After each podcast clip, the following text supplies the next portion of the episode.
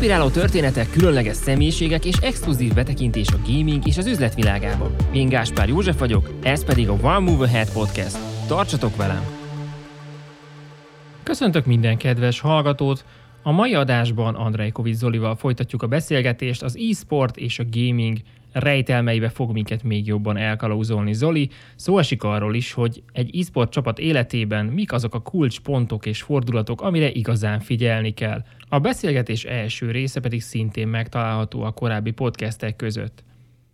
Amiről Zoli folyton visszautalva beszél egyébként egy csapat létrehozása, hiszen ő szervesen részt vett a másik oldalról, úgy értem, hogy befektetői oldalról szemlélve egy csapat létrehozását, létre is hoztak egy ilyen alakulatot, és menedzseltek egész sokáig, de még mielőtt erre kitérnénk, mert ez nagyon érdekes téma, és szándékosan nem kapom el ezeket a vonalakat, hiszen tök jól körbejárod magának az iparágnak a, az alakulását, és az alap idézőjelben kellékeit, amik tulajdonképpen a siker kulcsai lehetnek, és amivel Magyarországon többé-kevésbé vagy foglalkoztak, vagy nem, de ez nagyon-nagyon sok lehetőséget is felvázol, pont amit mondtam, hogyha valaki ezeket most összeszedi, és felírja magának, és tényleg tudatosan elkezd vele foglalkozni, akkor egy határos időn belül létre, létre tud hozni tulajdonképpen egy ilyen mintaszervezetet, amiben belészt az öt játékost, beleölve az időt, ugye a kockázat itt van a startup, amit mondtál, akkor el tud érni a nemzetközi színvonalhoz, ahol kinyílik az a típusú pénzes zsák, amiről te is beszélsz, ami már azért, azért euróban is nagyon sok.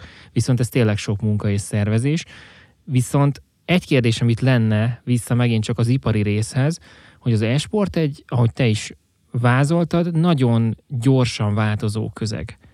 Mi az a, a stabil pont, ami kell a partnerséghez, ami, amire azt tudod mondani, hogy oké, okay, ezt, ezt a változót, ha megfogjuk, akkor ezen alapuljon egy partneri viszony, és akkor erre építsünk fel egy, egy szponzorációt, egy közös munkát, mert hogy ahogy mondtad, tényleg három-négy havonta változhat akár a keret.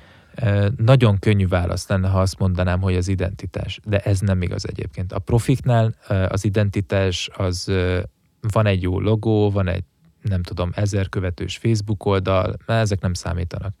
Az számít, hogy mi a identitás mögötti history, a, a múlt, hogy hogyan jutott el idáig. Fontos az, hogy hány éves a szervezet nagyon nem mindegy, hogy egy olyan szervezettel beszélek, aki létezik három hónapja, vagy létezik öt éve. Nagyon nem mindegy, mert a, aki öt éve uh, létezik, ott már biztos vagyok benne, uh, hogyha teljesen amatőr módon kezdett is bele, van már egy olyan kapcsolati tőkéje, amivel, amivel el tud érni dolgokat. Lehet, hogy öt évig alig volt pénz a szervezetbe, de ezt kiépítette. Rengeteg emberre beszélt és volt elég energiája, hogy fennmaradjon, akár önerőből, saját idejének befektetéséből. A history az, ami, amire lehet támaszkodni. Nem véletlen az például, hogy az, hogyha például pályázunk nem esport esetében, de úgy általánosságképpen pályázunk Euró uniós pénzekre, ott az első kritikus pont, hogy a cégnek x évre visszamenőleg olyan tevékenységet kell, hogy, hogy felmutasson. Ha nincs meg, ha a cég mondjuk nem tudom, egy hónapja létezik, akkor nem pályázhat, ilyen egyszerű. Ezek nem véletlen dolgok egyébként. A befektetőknél sem mindegy, hogy az adott társaság, és itt nem feltétlenül a társasági formára, de hogy mondjuk az adott csoport, az emberek, ők mióta vannak együtt. Egy évet csinálják, két éve, tíz éve csinálják ezt, hűha, az király. És mit csináltak a tíz évig? És hogyha van sztori mögötte, akkor, akkor ott akkor az, az felkelti a, a befektetők figyelmét. Húha, ez, ez jó sztori. És a sztorikat szeretik a befektetők. Mi is ezért szerettük egyébként a, a Dota 2 uh, sztoriát, mi is ezért indítottuk még annó uh, a csapatunkat, mert egy sztorit vettünk meg, egy történetet, amit, amiben mi valami nagyot álmodtunk és azt akartuk elérni. És arra van rátásod, hogy Magyarországon hány embert mozgat meg a gaming? Egyre többet. Számsz nagyon nehéz, ugye gamingről, esportról, esport rajongókról szoktunk beszélni.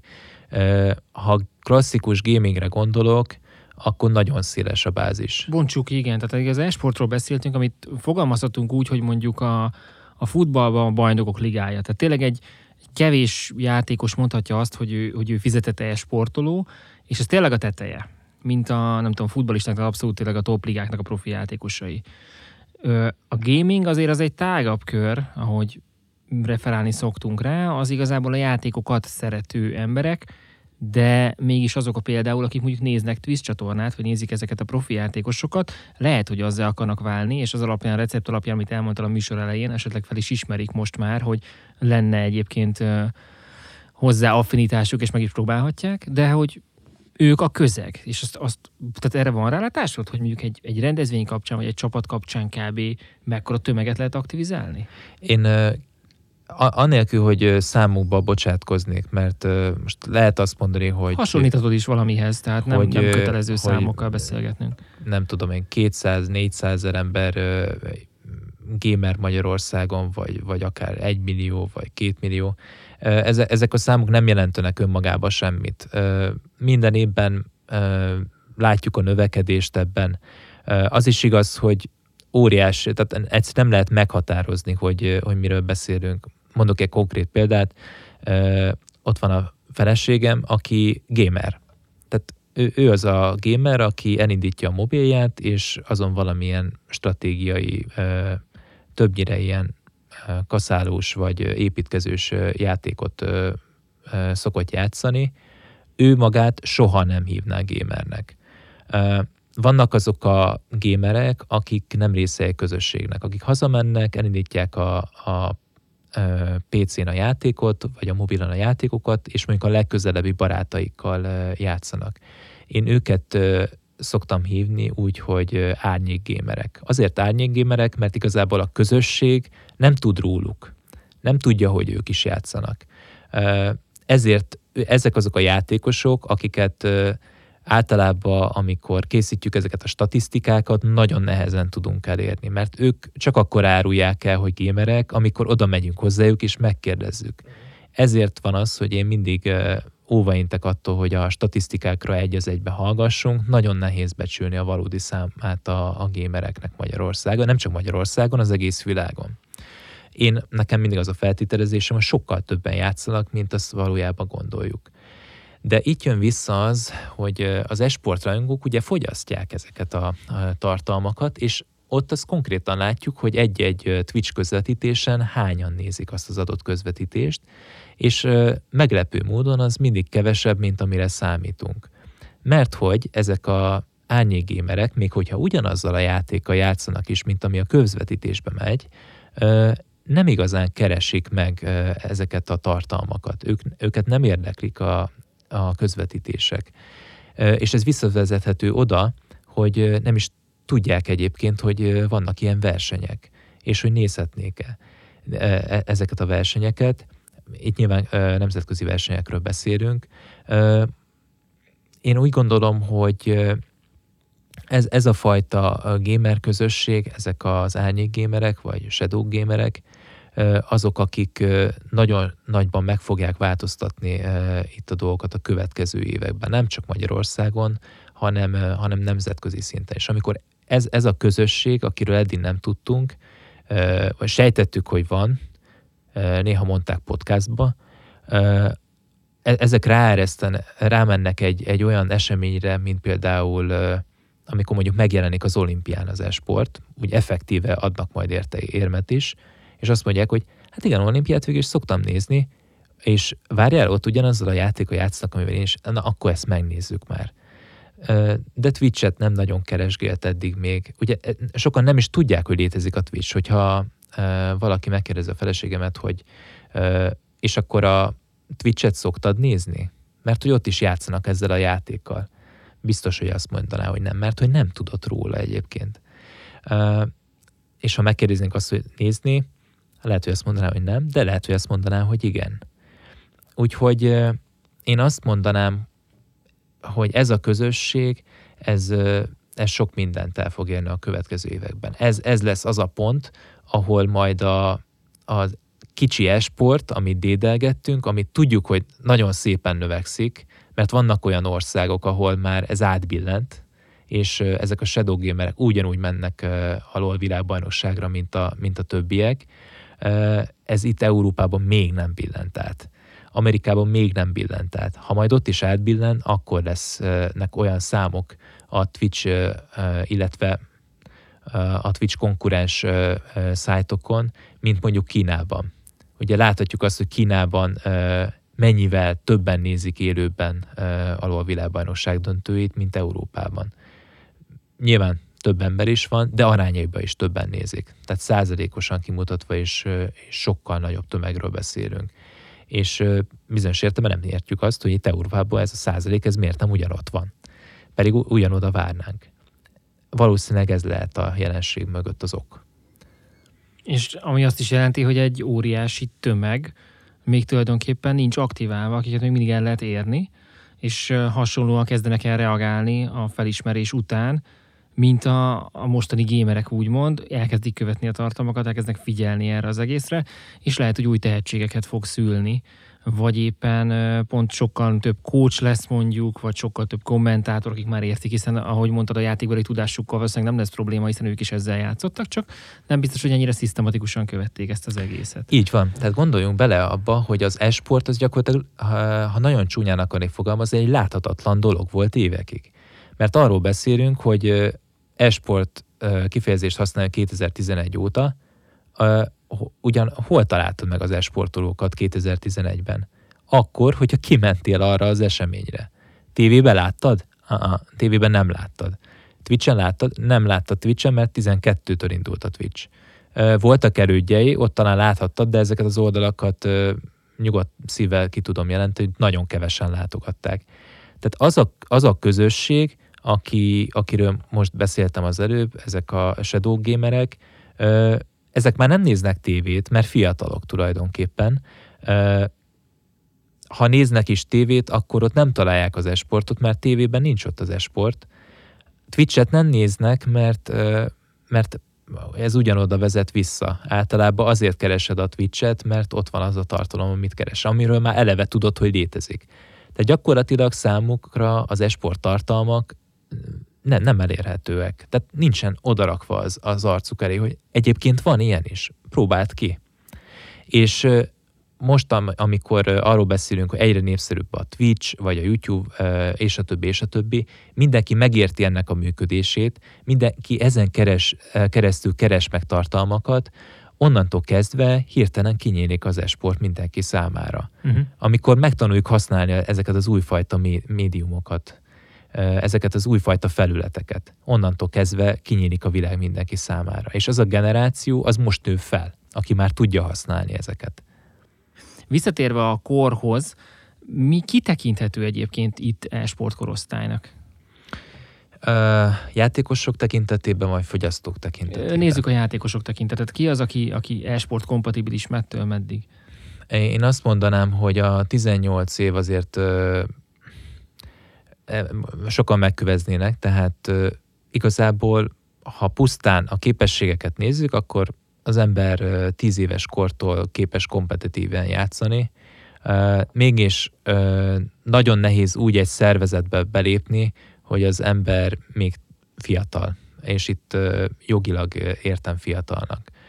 Munkaszerződést kötni mondjuk Magyarországon. De külföldön is ugyanezek a problémák vannak. Hát a rendezvényre hogy, sok esetben nem is lehet bemenni, ugye? Vagy hát törvényes képviselővel együtt. Az még egy dolog egyébként, hogy nem tudsz bemenni a rendezvényre. Tegyük, tegyük fel, hogy be tudsz menni a rendezvényre, de odaraknak elég egy, egy szerződést, a szerződést nem lehet saját magadnak aláírni mindaddig, amíg kiskorú vagy. Aláírhatod, csak nem ér semmit. Tehát oda kell egy, egy, egy gyakorlatilag egy anyu apu. Törvényes képviselő, igen. Így van, köszönöm szépen, ami, aki ott van mellettem, fogja a kezemet, és elolvassa, és tudja, hogy mit írunk alá. Ő se tudja, az egy jogász kell, hogy értse, hogy mit ír alá, de, de mégis ott van, ott van egy felnőtt mellettem. Ezért mondom, a 18 év az, az egy ilyen nem kimondott korhatár, de ha valaki innentől kezdi, hát akkor nem téved sokat, igen. Na és a felső korhatár. Nagyon érdekes, hogy a... De ne kodiákból induljunk ki ezért. Mégis, mégis nagyon érdekes dolgot fogok mondani, hogy nem tudom, mi a felső korhatára az esportnak. Azt a tennap voltam egy konferencián, a konferencián azt hangzott el, hogy 28 év. az első dolog, ami, amit, amit e, ezt követően kérdésként meg akartam fogalmazni, hogy miért is? Mert hogy direkt megnéztem még körülbelül három évvel ezelőtt különböző kutatásokat, hogy valójában, tehát effektíve az évek múlásával mennyivel lesz rosszabb az ember reakcióidője. Ezt szokták mondani, hogy annyira rossz az a reakcióideje, hogy, hogy ne viccelj már, te ne játszál már, most két-három másodperc múlva mit reagálsz már, meg mm, akkor már mindegy úgy, és hagyd a francba, ne játszál. Inkább, inkább hagyd az egészet, nézzed. És azt vették észre, hogy ha az ember folyamatosan gyakorol, mondjuk ugyanazt a játékot játsza, vagy, vagy videójátékokat játszik, akkor ezt a reakcióidőt ezt lehet javítani.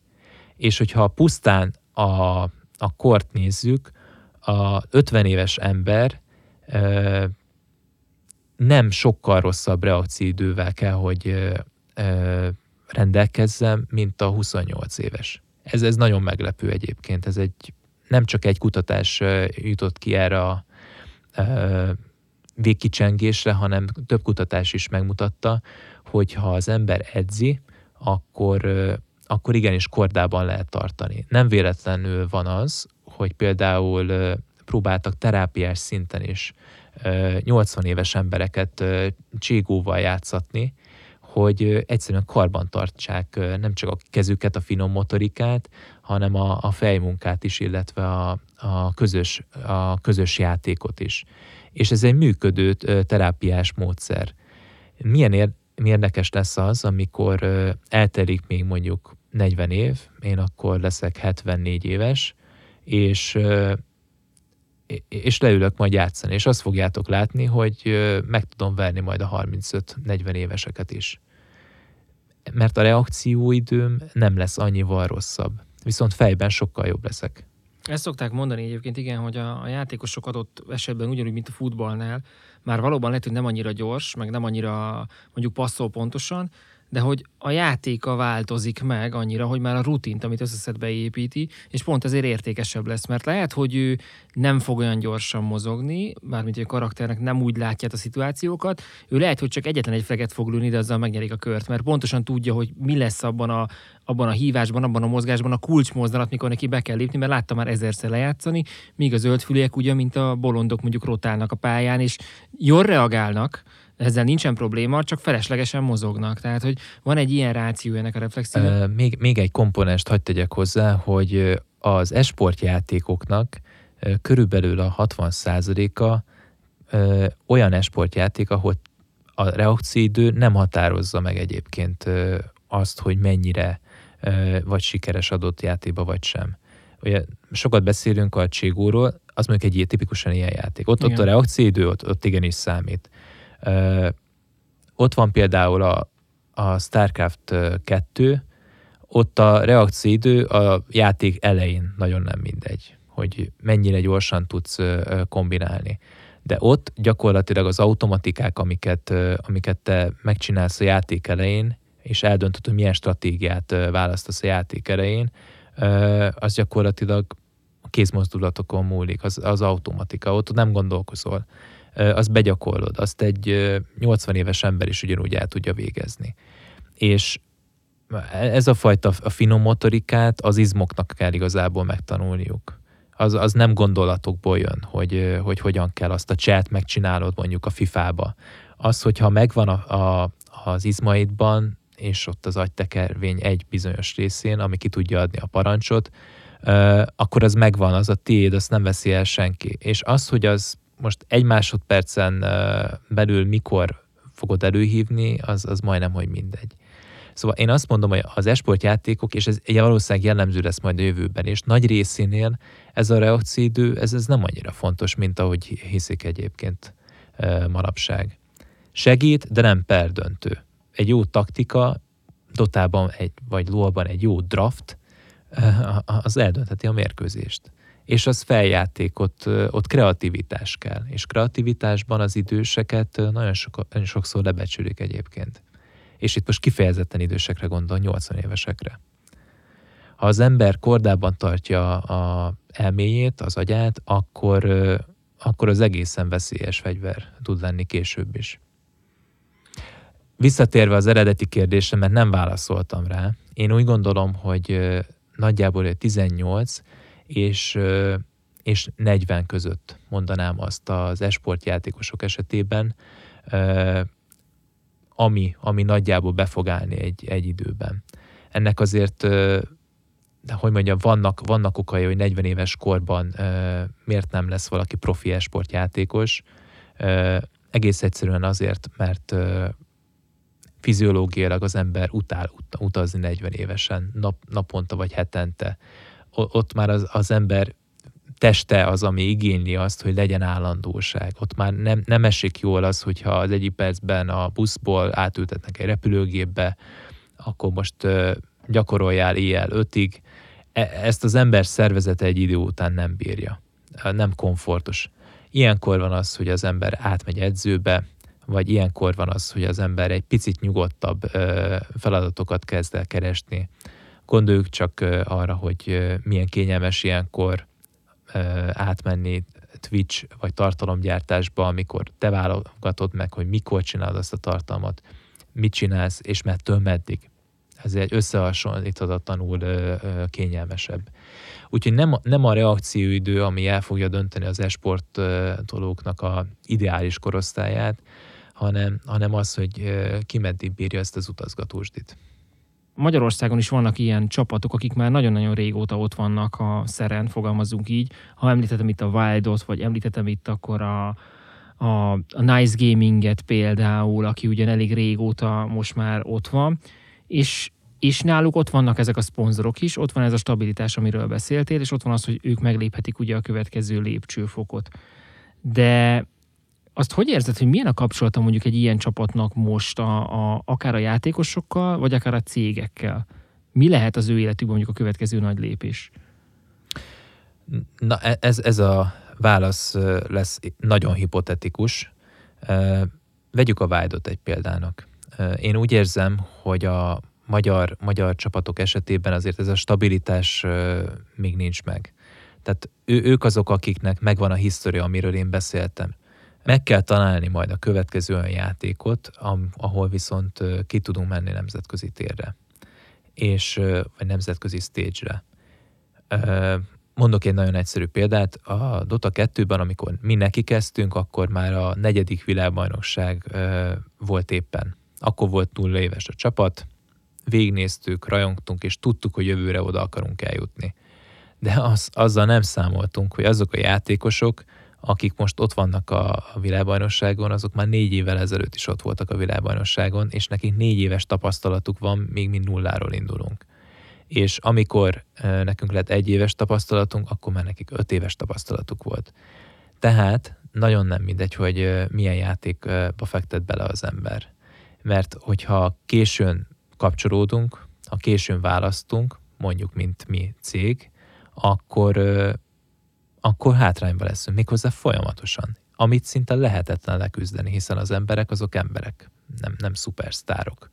Nincs az a kócs, aki, aki ezt a fajta x éves hátrányt ezt csak úgy le tudja néhány hónap alatt küzdeni. Jönnek új játékok, mindig lesz új lehetőség, várjuk a következő nagy játékot, és ez az, amiről még érdekes lenne beszélni, hogy mi lehet ez a nagy játék majd. Mert hogy, mert hogy most van egy űr, amit az emberek gyakorlatilag azokkal a játékokkal töltenek be, amik, amik egyértelműen nem sportjátékok. Úgyhogy várjuk ezeket a nagy játékokat, és mi fog történni? Ugyanaz fog történni, ami történt annó 2010 környékén, hogy egy ilyen játéknak készítelek majd egy modot, ami elviszi a hátán, és egy, egy teljesen új játékmódot fog nyitni majd a, a játékosoknak a játékosok közösségének, és az lesz a következő esport. És mindenki arra fog rárepülni, és hirtelen akkor kiürül a hagyományos esportok körül az a közösség, aki, aki könnyen mozog egyik játékról a másikra. És ez, ez az, amit nagyon várok, hogy mi lesz az a játék, aminek csinálnak egy olyan modot, ami, ami megragadja a játékosok fantáziáját. Ugye vannak kisebb próbálkozások, amik sikeresek, ilyen volt például az Auto Chess, de az autócsesz mégse tudott akkora tömeget megmozgatni. Hirtelen nagy csoportot mozgatott meg, de ne, nem az egészet. nem az egészet, nem tudott mindenkit át ö, mozgatni. Ez egy dolgot bizonyít, hogy ö, az élő akció ö, játék az, ami, a, ami, ami szükséges. Tehát ez egy olyan elem, amit, amit már nem lehet kihagyni ezekből a játékokból. Azt a játékot élőbe lehessen bármelyik elemét mozgatni, és akkor az azonnal befolyásol mindent a játéktéren. Az autócseszben azért mindig megvan ez a körökre osztottság. Uh-huh. Ugyanez igaz például a, a Runaterrára, ami, ami jön, és ugyanez igaz a Hearthstone-ra is. Ez a fajta játékélmény, ami, ami lehet, hogy egy picit idejét múlt már. Ott, ott már ott már nem lehet olyan akkorát távodni, és annyira ö, annyira bony, olyan bonyolultságot adni a játéknak, hogy az a játékosoknak annyira felkeltse a, a figyelmét, hogy mindenki rárepüljön gondoljunk bele, hogy a stratégia játékok terén a StarCraft 2, bocsánat, StarCraft 1 már mikor képes volt erre az élő, élő, élő stratégiai játékra. És, és azt nem fejlesztettük tovább, azt úgy ott hagytuk. Azt mondtuk, hogy Hát azokra az alapokra fejlesztették tovább tulajdonképpen több játékot. És azon gondolkoztam, miközben beszéltél, hogy hogy milyen olyan nagy játék típusok vezetődtek be, vagy jöttek létre, és ha végignézem, akkor igazából a, a, az első nagy lépést, még annó egyébként a játékok alapjai, ami most már ott van, az, a, az pont a Return of Castle Wolfenstein volt, ahol ugye behozták ezeket a klasszokat, hogy, hogy bizonyos karakterek csak bizonyos dolgokat tudtak csinálni, vagy speciálisak voltak, az egyiknél volt bomba, másiknál nem, az egyik tudott gyógyítani, másik nem, és ugye ez így kilakult a játékokban, hogy akkor jó, akkor vannak bizonyos perkek, vannak bizonyos szerepkörök, és akkor így játszunk, mindenki kiválasztja neki melyik szimpatikus, tehát nem egyenlők a karakterek, mint mondjuk a Counter-Strike-ban is ugye. Alapvetően úgy indultunk el, hogy volt egy mesterlövész, meg voltak a többiek, aztán beállítottuk, hogy kettő egy kettőbe védjünk, most meg már gyakorlatilag vagy nyolc roll szerep van, hogy ki mit játszik, ki lesz az entry, aki bemegy és körbenéz, és mindenki, ez a support, aki picit hátrábbomba fog fedezni, és akkor ők azt a szerepet játszák, tehát nagyon kicsi az átjárás. Na de ha most a, a, a modern játékot nézem, akkor ugye ott van egy Rocket League, ami nem volt ott, hogy kis autókkal focizunk, ami azért, azért egy masszív népszerűséget, népszerűségnek érvend, és az érdekessége még az, hogy ugye az esport divíziókat nyitó sportklubok például Rocket League-ben lépnek be, mert hogy az egy nem annyira erőszakos játék, az tök jól eladható, mint akár a FIFA is, és egy ilyen divíziót fenntartani mégis esport, és vannak belőle ligák is, meg vannak belőle bajnokságok is. Tehát egy nagyon szépen simult bele abba, abba a kultúrába egyébként, ami, ami úgy a cégeknek is jó, meg még azért eladható, meg még azért esport is, és akkor jött hozzá ugye a Fortnite, most ne vegyük, a PUBG ugye megteremtette kb. a Battle Royale-t, ami addig nem volt, tehát hogy egy bizonyos kör szűkül, és a legutolsó csapat, aki túléli ezt a ezt a zónán belüli létet az összes közül, az tulajdonképpen a nyertese a tornának, és akkor ennek van egy, ez egy egész stílust hozott magával, és ez nem egy régi dologról beszélünk, tehát egy, egy három-négy éves sztoriról beszélünk, ami átírta megint csak a, a népszerűséget, hiszen a Fortnite nem létezhetne, hogyha nincs ez a stílus.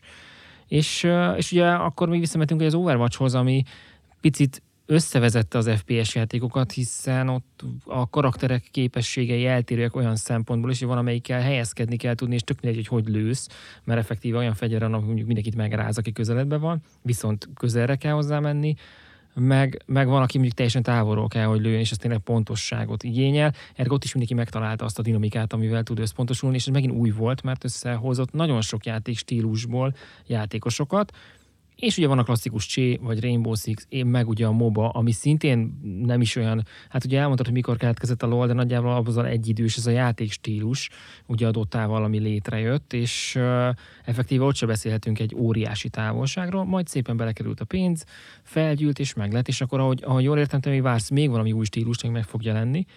Tehát, hogyha én most cég vagyok, és hallgatom ezt az adást, akkor effektíve Mik azok a pontok, amire figyelni kell, ami azért előrejelzi azt, hogy, hogy igen, ez, ez azért megmozgathatja ezt az iparágat? Ez nagyon érdekes kérdés. Én azt mondanám, hogy a, a közvetítések. Tehát én azt szoktam figyelni, amikor felmegyek mondjuk a Twitch-re, és megnézem az éppen aktuális játékokat, hogy mennyire élvezhető az, amit látok. És a, a Dotánál, illetve a LOL-nál ott volt egy nagyon izgalmas dolog, mégpedig az, hogy volt egy információs aszimetria a közvetítésben a két csapat között, és ez, ez az, ami adta az egésznek az izgalmát, hogy én, mint néző, én mindent láttam, uh-huh.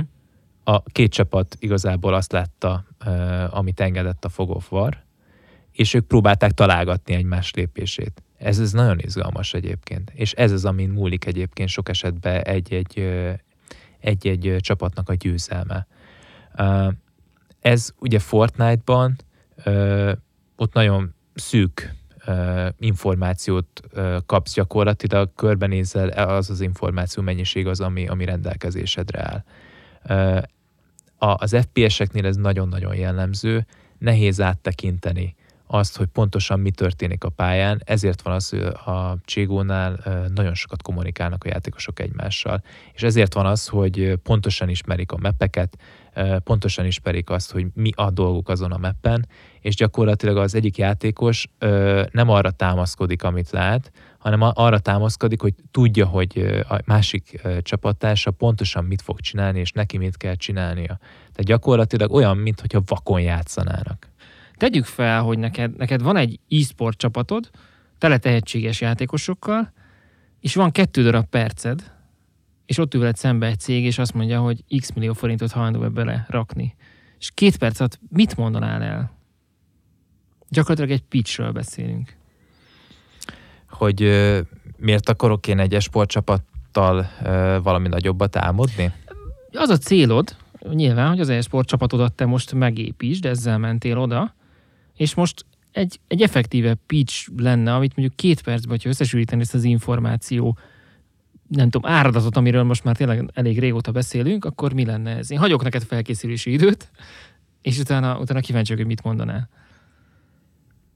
Mondd el, hogy milyen terméket kell, milyen termékkel kell őszintén azonosulnom. Ez azért fontos kérdés, illetve, hogy milyen, milyen esport csapatot akarok én itt a, alakítani, hogy legyen valami inputon. Kérlek szépen, te megtaláltad a következő játékot, ami mondjuk az Etek Battle névre hallgat, és ez a legnagyobb világ siker most, és ebben a rendelkezésedre áll öt darab játékos, akik tényleg tehetségesek benne, és azt érzed, hogy a veled szemben ülő mondjuk élelmiszeripari cég, aki egyébként tényleg érdekelt abba, hogy belépjen, mondjuk csokikat, különböző tudom, műzliket árulnak, tehát még a közönségnek is tud rezonálni, és ők egy népszerű márka, még nem találták meg az utat, de keresik, viszont ugye te látod, hogy az, az ő útjuk, az lehet akár a te utad is, és ha közösen mentek, akkor te hozzá tudsz jutni ahhoz a tőkéhez, hogy a, a, ebben a játék stílusban, ezzel az öt tehetséges játékossal tényleg kilép időben, jó feltételek között a nemzetközi közösség elé, és elindulhass azon az úton, hogy díjakat nyerjetek, és esetleg ugye több másfajta szponzort is bevonzal, bevonzál azzal, hogy egy láthatóan jó modellt kommunikálsz. Jó. Akkor én szépen elkészítem az órát, ami már meg is van. Te kész vagy? Én abszolút kész vagyok. Na, figyelj, akkor elkezdek visszaszámolni. Három, kettő, egy. Köszönjük szépen, hogy meghívtatok ide magatokhoz, és nagyon röviden el szeretném mondani, hogy kik is vagyunk, és mit is szeretnénk ezzel a projektünkkel. Mi alapvetően egy esportcsapatot szeretnénk a következő években felfejleszteni. Ez egy létező csapat, mi öt főből állunk, illetve hozzá kapcsolódóan van egy, egy menedzserünk, illetve egy nagyon pici, jelen pillanatban egy főstáb, aki segíti a saját munkánkat, és alapvetően mi három éve kezdtünk foglalkozni a, ezzel a témával, ami legfontosabb felületeink ez a Facebook, ahol jelenleg tízezer követő van, a YouTube videóinkon van olyan videó, amin százezer megtekintés van, illetve eddig, eddig a Ponti kb. 2 millió forintot fektettünk ebbe az egész történetbe, Ezeket nagyjából így a legfontosabb költségekbe folytottuk ide az utóbbi három évben, és ami gyakorlatilag ez a játék lenne, úgy hívják, hogy Attack Battle, ez egy ötjátékos játékmód, és ennek amiért releváns ez számunkra, hogy vannak nagy versenyeik, ezek nagyjából olyan 500 dolláros versenyek, amiből hogyha kijut egy-egy csapat ezekre a versenyekre, akkor körülbelül ennek a felét legjobb esetben, legrosszabb esetben kb. 5-10 ezer dollárokat tud megnyerni. Ez az üzleti modellünk egy fontos részét képezi, a másik része pedig a Twitch, illetve YouTube megtekintésekből származó bevételek, ezek, amik az első néhány évben határoznák meg a bevételeinknek a nagy tömegét. És természetesen a költségeink, amik és itt lenne vége a kettő percnek, de fejezd be ezt a mondatot. És természetesen a költségek, amikkel még foglalkoztunk, hogy mit terveztünk a következő évekre, és ami igazából mi nagyon fontos lenne, amiről még biztos, hogy beszéltem volna egyébként ebbe a két percbe, hogyha jobban felkészültem volna, hogy hogyan kötném össze a mi tevékenységünket azzal a termékkel, ami, ami a tiétek. Mi arra gondoltunk, hogy a ti termékpalettátokból az egészséges életmódot támogató körülbelül két-három terméket vennénk ki, és ezeket a, a márkákat nem csak, nem csak használnánk, hanem ezeket, ezeket mutatnánk meg be egyébként a, a, a rajongóinknak, illetve azoknak, akik követik a mérkőzéseinket, illetve, illetve a meccseinket. Én úgy gondolom, hogy ezek, ezek lennének azok, amikkel mi tudnánk azonosulni, és ezek jól működnének a mi esetünkben, ugyanis nálunk nagyon fontos az, hogy, hogy hosszú távon fenntartsuk a, az egészséges életmódot, pontosan azért, mert ezeken a versenyeken rengeteg stamina szükséges ahhoz, hogy egy héten keresztül akár minden nap ott legyünk versenyen a, a fejben, a versenyen és fejben is, és ezek, ezek azok a dolgok, amikkel mi össze tudjuk kötni a saját tevékenységünket, és elmondanám, hogy mik ezek a konkrét termékek. És tulajdonképpen Zoli nem ment annyira rosszul, hiszen hogyha a köridőt nézem, akkor 3-37 alatt elmondta ezt. Tényleg azról beszélünk, hogy ha jól felkészülsz, akkor ez belefért volna az egészbe, és tényleg egy elég szép körképet mondtál volna. Ha jól értem, akkor nagyon szépen arra is kihegyezted, hogy mi az az együttműködési modell, és ezt a végére hagytad, ahol ténylegesen hitelesen be tudod mutatni a márkát. Így van, így van. Sőt, azt is elmondtam volna, hogy, hogy mi ugye utána néztünk ezeknek a termékeknek, és, és konkrétan beszélnék arról, hogy mi miket találtunk ezeknél a termékeknél. Legyen ez egy, ha mondjuk tényleg ilyen élelmiszeripari történetről beszélünk, akkor mondjuk egy egészséges sportszelet amit mi ki is próbáltunk. Ezek azok a pluszok, amik, amiket az ember nem tesz meg egyébként. De ez a felkészülés része, és csak hogy a hallgatók értsék, hogy ebben a néhány percben itt a beszélgetést megelőzően felírtam magamnak körülbelül 6-7 pontot, amit mindenféleképpen el akartam mondani. A kettő percen azért több idő áll rendelkezésre mondjuk egy-egy ilyen konkrét beszélgetéskor, hogyha az emberre rászánják az időt, mondjuk, mondjuk egy nagy céghez oda tudtok menni, és, és be tudtok ülni egy tárgyalóba, azért a fél órátok mindig megvan. De az igaz egyébként, amit említettél az előbb, hogy nagyon gyorsan megítélik az embert, és, és nagyon oda kell figyelni arra, hogy az ember összeszedett legyen és a leggázabb dolgok azok szoktak lenni, amikor az ember ö, ö, túlságosan oda van magától. Tehát egyfajta alázatosság kell.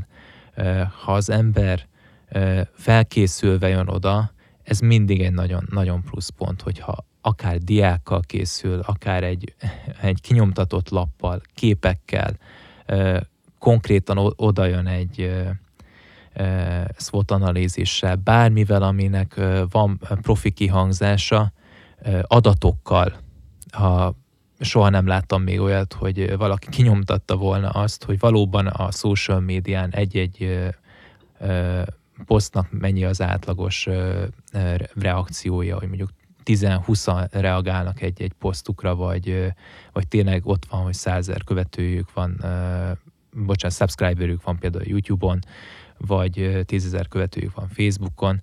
Tehát ezek, e, ezek a bizonyos értelemben látszat dolgok igenis fontosak, mert ott fél órát határozzák meg az emberek, és valóban első blikre, feelingre, hogy mennyire vagytok komolyak.